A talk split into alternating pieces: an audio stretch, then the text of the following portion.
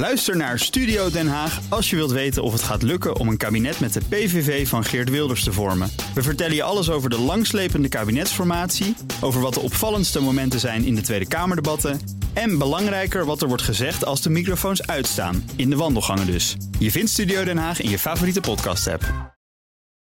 BNR Beter wordt mede mogelijk gemaakt door AstraZeneca. Wij verleggen de grenzen van de wetenschap voor patiënten en samenleving. Blijf scherp. BNR Nieuwsradio.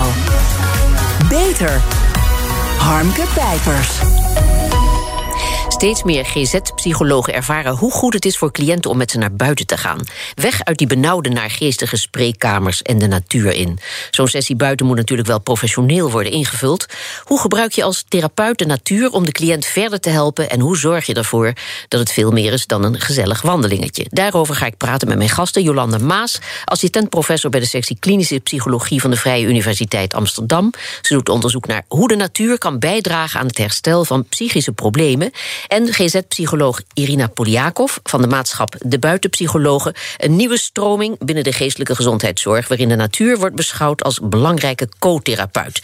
Ja, Irina, de natuur als co-therapeut, dat moet je toch even uitleggen? Ja, de natuur als co-therapeut. Je kan de natuur inzetten als een omgeving, als een soort van. Uh, prettige omgeving waarin je wandelt. Of je kan de natuur inzetten uh, als een bijdragend therapeut. Dus de symboliek die in de natuur voorkomt. Um, de dingen die soms buiten gebeuren, die spontaan gebeuren, die je in de kamer helemaal niet op die manier uh, voor elkaar kan krijgen. Ik word meteen nieuwsgierig. Noem eens wat voorbeelden.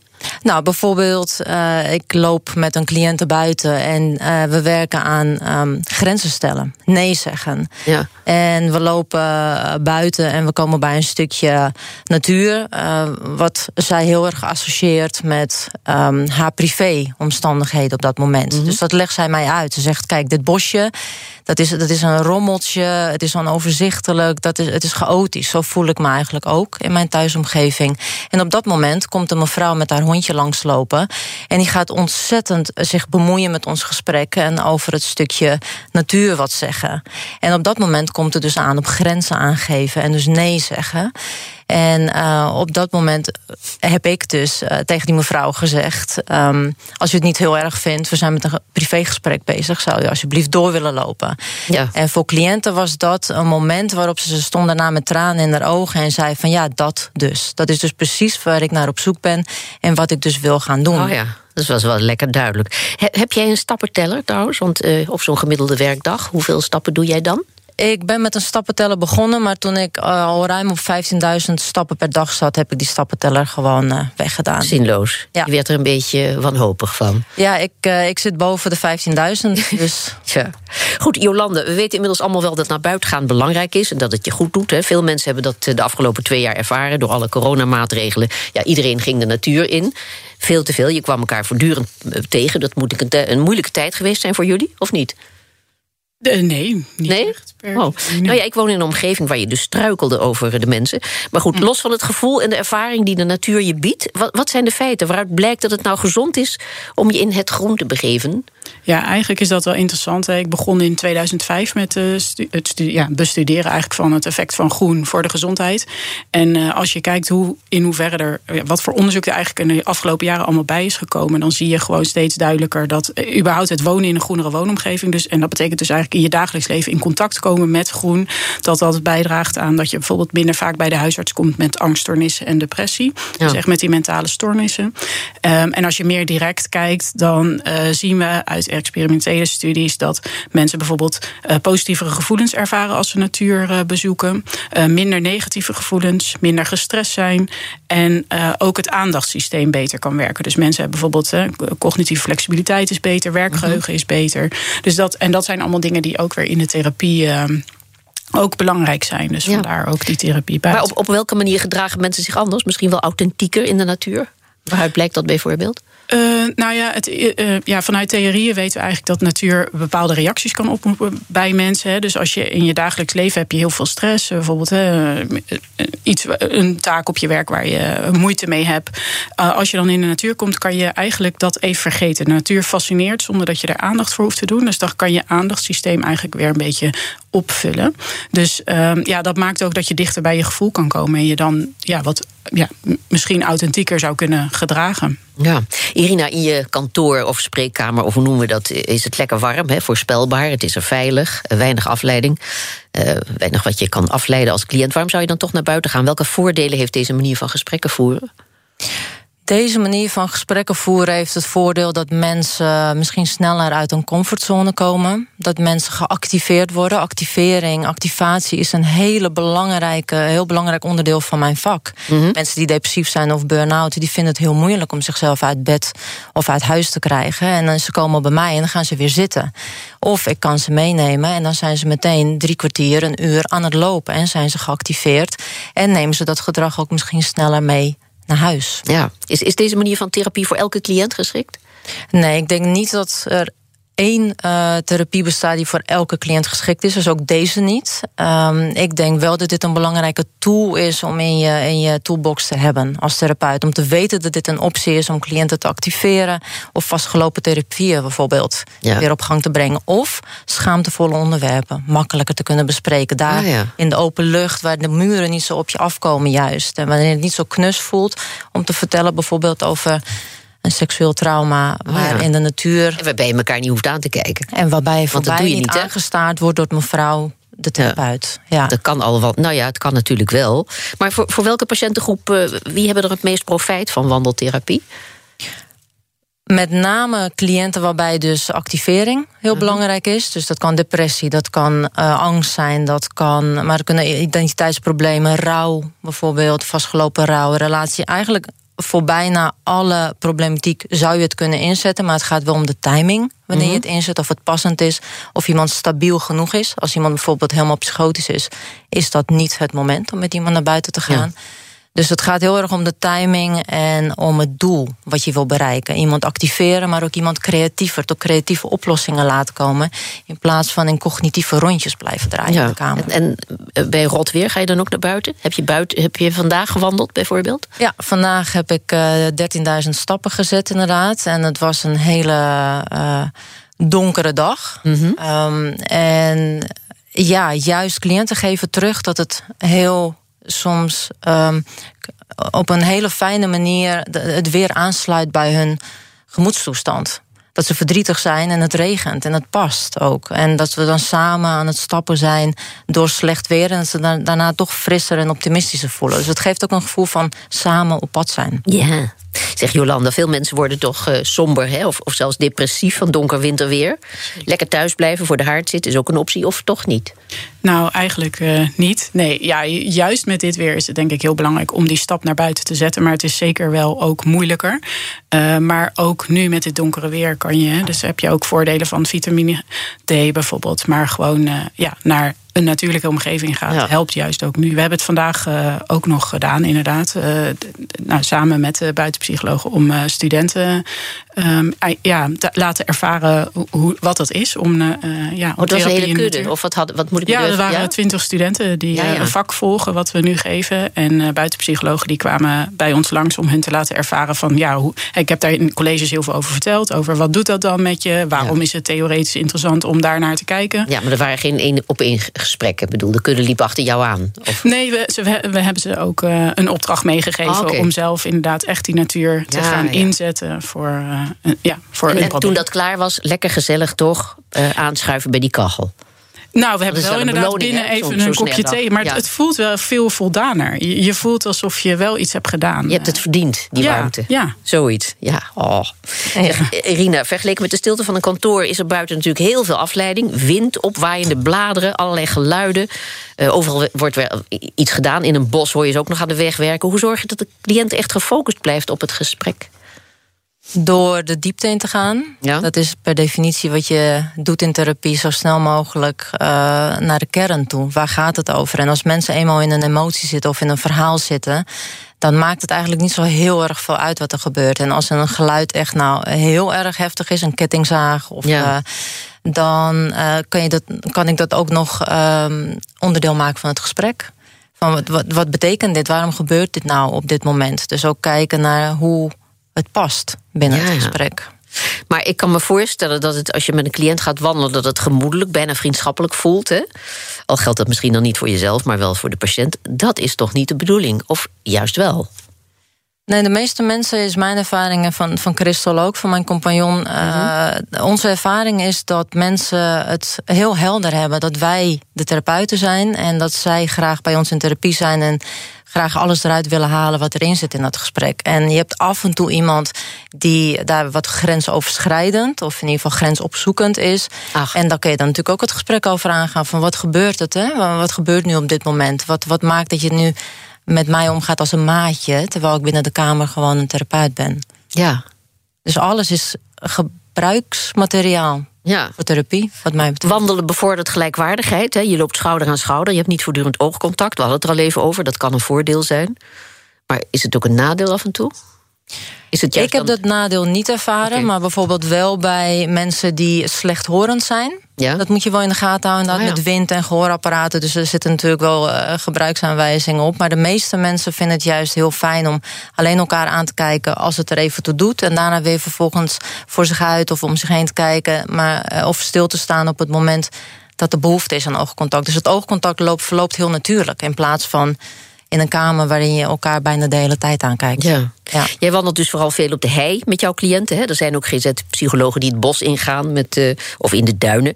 Meestal zijn er dus ook andere mensen, joggers of mensen met honden. Die zijn er mhm. echt heel veel. Dat, dat leidt af, lijkt me. Want stel je toch voor dat er iemand meeluistert. Bestaat die angst bij jouw cliënten? Ik kan me dat heel goed voorstellen, namelijk. Dus die vraag komt erg uit mezelf. Nou, die vraag is heel herkenbaar. Die wordt mhm. heel vaak ook tijdens onze trainingen gesteld. En dat is een hele goede vraag, want je moet natuurlijk met privacy bezig zijn als iemand uh, zo'n privéverhaal vertelt. Ja. En daar zijn uh, ook wederom oplossingen voor. Dus als iemand bijvoorbeeld uh, van achteraan komt lopen, dan ga ik opzij staan met mijn cliënt en dan laat ik diegene voorbij gaan. We zijn stil. En uh, we vervolgen ons gesprek en onze wandeling als degene ver genoeg is. Dus het is ook zelf goed kijken uh, hoe je of met de cliënt afspraken maken. Ook daarover wat doen we als iemand uh, langskomt. En de meeste mensen voelen wel aan dat er een privégesprek gaande is. En kiezen of een omweg of uh, gaan snel voorbij en knopen geen praatje aan. Ja, goed, goed kijken. Je hebt dus weinig oogcontact. Kun je die dan nog wel goed genoeg begrijpen? Of zijn er toch momenten waarop je dus heel bewust wel dat oogcontact zoekt? Ja, het zijn juist, je hebt eigenlijk alleen oogcontact op het moment dat het er toe doet. Dat iemand echt jou wil aankijken of dat ik even in die ogen wil kijken. Oké, wat gebeurt er nu bij jou van binnen? Het geeft juist de mensen de vrijheid om niet de hele tijd en bezig te zijn met mij aankijken. En hun verhaal zo goed mogelijk vertellen en ook nog voelen wat er in een lijf en een hart omgaat. Ja. Maar, maar stel dat een cliënt uh, opeens heel heftig reageert, hè, ontzettend boos wordt. Dan is er niemand om in te grijpen. Dat, dat maakt je ook heel kwetsbaar. Heb je dat wel eens meegemaakt in de natuur? In de natuur heb ik dat dus nooit meegemaakt. In de kamer heb ik dat helaas wel meegemaakt. Dat mensen uh, agressief worden. Dus in de natuur heb ik dat nooit meegemaakt. Omdat uh, de spanning, is mijn ervaring, bij mensen veel sneller omlaag gaat. In de natuur. Ja.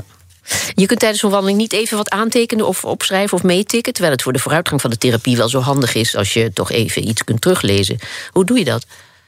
Ik uh, maak aantekeningen achteraf. Mijn geheugen is vele malen beter geworden dan vijf jaar terug. voor jou is het ook heel goed. Dus het is voor mij heel erg goed. En uh, ik heb een app waarbij ik dingen in kan spreken en de tekst kan. Uh, um, wat gelijk omgezet wordt in tekst.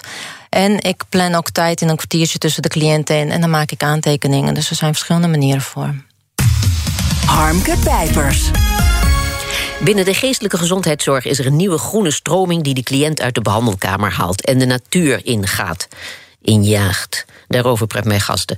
Jolande Maas, assistent-professor bij de sectie klinische psychologie van de Vrije Universiteit Amsterdam. En GZ-psycholoog Irina Poliakov van de maatschappij De Buitenpsychologen. Ja, Jolande, veel mensen met een burn-out knappen er erg van op als dagelijks een portie buitenlucht krijgen. Maar daarna moeten ze wel weer terug naar hun saaie kantoor en zijn ze dus terug bij af, hè? Ja, klopt. En uh, daarom moeten we dus eigenlijk niet alleen maar kijken naar mensen die uh, uh, mentale gezondheidsproblemen hebben, maar ook kijken hoe kunnen we juist de omgeving waar mensen eigenlijk in hun dagelijks leven veel tijd doorbrengen, hoe kunnen we die ook vergroenen en dan zorgen dat de mensen die daar zijn, ook die connectie maken met het groen. Dus hoe kan je inderdaad in je dagelijks werk op een gemiddelde werkdag ook de natuur inzetten? Dus waarom zouden we bijvoorbeeld gesprekken altijd via de Zoom doen? En als je een één op één gesprek hebt, kan je ook natuurlijk gewoon een wandeling gaan maken. Dat vind ik wel het toppunt van, van verschil. Via de Zoom of in de natuur. Ja, dat is ook dat is ook een. Maar het is wel wat we nu ook zagen tijdens deze coronatijd. Dat je inderdaad net zo goed, eigenlijk als je een één op één gesprek met iemand hebt, het gewoon telefonisch kan doen en het eh, al wandelend kan doen. Ja. Uh, we noemen al mensen met een burn-out, hè? mensen met psychische klachten. Maar de natuur kan voor veel meer patiëntengroepen heilzaam zijn. Vertel. Ja, wat we zien is inderdaad, nou ja, wat ik uh, net aangaf. Hè, dus uh, we zien dat mensen met depressieve klachten of mensen met angststoornissen uh, baat kunnen hebben bij contact met een natuurlijke omgeving. Ehm, je ziet dat ADHD-klachten bijvoorbeeld bij kinderen wat minder worden. Ehm, ja, en, en met name, ja, denk ik ook bij beginnende psychische klachten. Dus als je echt gewoon denkt van, nou ja, mijn emmer zit helemaal vol, dan is het gewoon heel verstandig om af en toe de natuur op te zoeken om die emmer wat te laten leeglopen. Ja, maar uh, ons brein heeft tijd nodig om af te koelen en te resetten. Daarom is even de natuur ingaan, weg van het kunstlicht en alle prikkels uh, goed. Maar er zijn veel mensen die zelf niet de stap zetten om naar buiten te gaan. Hoe krijg je die dan toch zover? Want moet het een gewoonte worden? Ja, nou ja, wat ik probeer inderdaad in mijn onderzoekslijn eh, te onderzoeken is of om te creëren eigenlijk is te hopen dat, je, dat we groen wat meer naar de plekken kunnen brengen waar mensen veel tijd doorbrengen. Dus denk bijvoorbeeld aan eh, het vergroenen van schoolpleinen, zodat kinderen weer automatisch in contact komen met natuur. Dan is die stap om die, dat contact met natuur te maken wel kleiner. Zorg dat rondom die werkomgeving inderdaad natuur te, te vinden is. Dus maak het eigenlijk, maak die gezonde keuze zo makkelijk mogelijk. En zorg daar waar mensen inderdaad iets van problemen hebben, ook dat je daar uh, een eerste link maakt met het contact met natuur. Ja, maar goed, je hebt hier gezien hoe wij uh, bij BNR na de verbouwing erbij zitten met uh, fantastische plantenbakken. Ja. Vind je dat heilzaam? Nou, ik weet natuurlijk niet hoe het er hiervoor uitzag. Maar ik hoorde in ieder geval wel dat, er, dat jullie niet helemaal tevreden zijn met hoe het nou, eruit ziet. Ja, oh, ja. Nou, ja. Nou, uh, en, en, het is een wel... hè, in Nederland. Al diezelfde doodzaaie planten, zeg. Ja. En, ja. en, heel veel. Nou, en dat is denk ik in elke sector. Dus ook in uh, ziekenhuizen zien we dat er uh, interventies komen. Ja. ja, dat ze proberen groen te integreren in bijvoorbeeld ziekenhuizen. Maar dan gaan ze, vergeten ze om met degene die gebruik maken of moeten maken van die tuin ook te vragen wat hun wensen zijn. Ik denk dat dat hier, ik denk dat groen een heel mooi uh, iets kan oh, ja. zijn. Maar je moet wel eerst communiceren over hoe wil je de ruimte gebruiken. Ja. Wat zijn jullie wensen daarin en hoe passen we groen daar dan goed toe? Ja, en om even het misverstand uit de wereld te helpen, dat ik de pest heb aan groen. Ik ben tuingek en ik tuinier veel. Maar dit groen, bah. Nou goed, er is steeds minder groen in Nederland. Dat is toch wel een probleem. Stille plekken worden lastiger. Hè? Alles wordt volgebouwd. Ligt daar een taak voor de overheid? Ja, hè? Daar ja. moeten we toch iets aan doen. Ja, en dat kan. En, dat, ja, en daar kunnen dus ook andere organisaties dan de overheid iets mee doen. Hè. Dus als je het hebt over vergroenen van schoolplein, vergroenen van kinderopvanglocaties, vergroenen van ziekenhuizen, daar is niet altijd de overheid die een rol heeft. Maar het, ja, ook gewoon die organisaties zelf, woningbouwverenigingen. Uh, ja, daar hebben we denk ik wel echt een taak. Ja. Ja, het kost dus meer tijd. Er zijn lange wachtlijsten. Maar toch kies uh, je niet, Irina, voor het lopende bandwerk in de spreekkamer. Waarom niet? Ik heb 15 jaar uh, het uh, lopende spreekkamerwerk gedaan. En uh, ah, ja. inderdaad het gevecht als het ware met de wachtlijsten aangegaan. Net zoals veel van mijn collega's. En, um, en, en, met deze therapie heb je dan minder sessies nodig?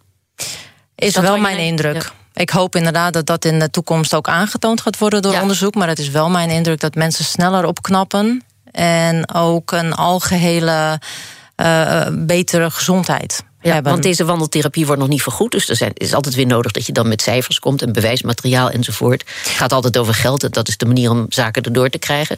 Hoe ziet dat eruit? Het ziet er uh, eigenlijk hetzelfde uit als dat het uh, binnen gebeurt. Dus het is niet een aparte vorm van therapie. Uh, mm -hmm. Ik heb mijn therapie en Christel ook. Wij hebben onze therapie van binnen mee naar buiten genomen. Dus wat wij binnengeven, cognitief gedragstherapie of schematherapie of. Uh, um, mindfulness hebben wij mee naar buiten genomen. Dus op die manier is het vergoed. Ja. alleen de setting is anders. Oké, goed. Heel veel succes. Hartelijk dank Jolande Maas en Irina Poljakov. En wil je meer weten over therapie in de natuur? Kijk dan op www.bnr.nl/slash beter. Zorgvernieuwers. Er zijn volop ontwikkelingen in de zorg. Nieuwe medicijnen, technieken en behandelmethoden maken het leven van de patiënt beter en het werk van de specialist makkelijker. Wat zijn de laatste innovaties? Doven en slechthorenden gebruiken gebarentaal om te communiceren, dat weten we. Maar lang niet alle horenden hebben die taal onder de knie. Studenten van de TU Eindhoven hebben een technologie ontwikkeld waarmee je met elk doof persoon ter wereld een gesprek kunt voeren. Een van hen is Laurens Touwen. De techniek zit in een soort slimme mouw. Vertel, hoe werkt dat? Wat wij hebben ontwikkeld is een, uh, is een mouw met daarin 24 verschillende trillende motortjes. Mhm. En uh, die motortjes kunnen dan in bepaalde patronen trillen die dan informatie kunnen representeren. En om concreet te zijn, de eerste toepassing waar we dus nu naar kijken voor slechthorenden, um, is het communiceren van taal met die trillingen. Want zoals je weet bestaan alle woorden bestaan uit allemaal klanken. En wat wij hebben gedaan is hebben we voor elke klank hebben we een bijbehorend trilpatroon gevonden. En die trilpatronen, blijkt, uh, blijkt, kun je dus verrassend snel leren. Als je een paar uur lang de mouw om hebt, dan leer je die trilpatronen te interpreteren en dus um, zo te weten welke klanken er worden gecommuniceerd. Ja, maar dan goed. kun je dus zonder gehoor toch klanken begrijpen. Ja, ja. Nou, nou worden er wereldwijd, eh, wereldwijd meer dan 140 talen gesproken. Begrijpt en vertaalt die mouw die dan ook allemaal? Nou, in dit geval, ons team is Engelstalig, dus we kijken nu vooral naar de Engelse taal. En de Engelse taal bestaat uit uh, eh, 39 verschillende klanken. Mhm. En daar kijken we nu naar. Maar er is geen reden dat het niet uh, generaal werkt voor, of dat het niet of in het algemeen werkt voor, uh, voor andere talen. Mm -hmm. um, en een deel van de toepassing die we hebben ontwikkeld is dat de mouw automatisch eigenlijk gesproken taal kan vertalen naar die trillingen. Ja. Um, en zo kan je dan ook met buitenlandse talen communiceren. Zolang de gebruiker maar Engelstalig is. Ja, ja. Het is nog volop in ontwikkeling. Het zal dus nog wel even duren voordat alle doven wereldwijd hier gebruik van kunnen maken. Is die techniek nou alleen voor doven geschikt of ook voor andere doelgroepen? Nou, de, eigenlijk de lange termijn visie van ons, uh, van ons team is om. Uh, een nieuwe zintuig te ontwikkelen, om het zo te noemen. Dat je eigenlijk allerlei soorten informatie via deze mouw kan communiceren. Ja. Nou, uh, focussen we in het begin op uh, slechthorende en taal, omdat het een concrete, duidelijke toepassing is. Uh, maar uiteindelijk willen we graag ook kijken naar andere doelgroepen. En misschien is het voor iedereen wel fijn om naar het buitenland te kunnen gaan en dan daar een vreemde taal te begrijpen via je arm. Ja, wie weet. Hartelijk dank, Laurens Touwen. Wil je meer weten over deze slimme vinding? Kijk dan op www.bnr.nl/slash beter. En tot zover deze uitzending van BNR Beter. Op bnr.nl/slash beter is deze uitzending terug te luisteren van de maand via de BNR-app en op uw favoriete podcastplatform. We zijn ook op Twitter te vinden onder BNR Beter. Heeft u tips voor ons? Laat het ons vooral weten. Ik ben Harmke Pijpers. Graag tot een volgend spreekuur. BNR Beter wordt mede mogelijk gemaakt door AstraZeneca. Wij verleggen de grenzen van de wetenschap. Voor patiënten en samenleving. Bij BNR ben je altijd als eerste op de hoogte van het laatste nieuws. Luister dagelijks live via internet. Bas van Werven. En heel langzaam komt de zon op rond dit tijdstip. Je krijgt inzicht in de dag die komt op BNR, het Binnenhof in Nederland en de rest van de wereld. De Ochtendspits. Voor de beste start van je werkdag. Blijf scherp en mis niets.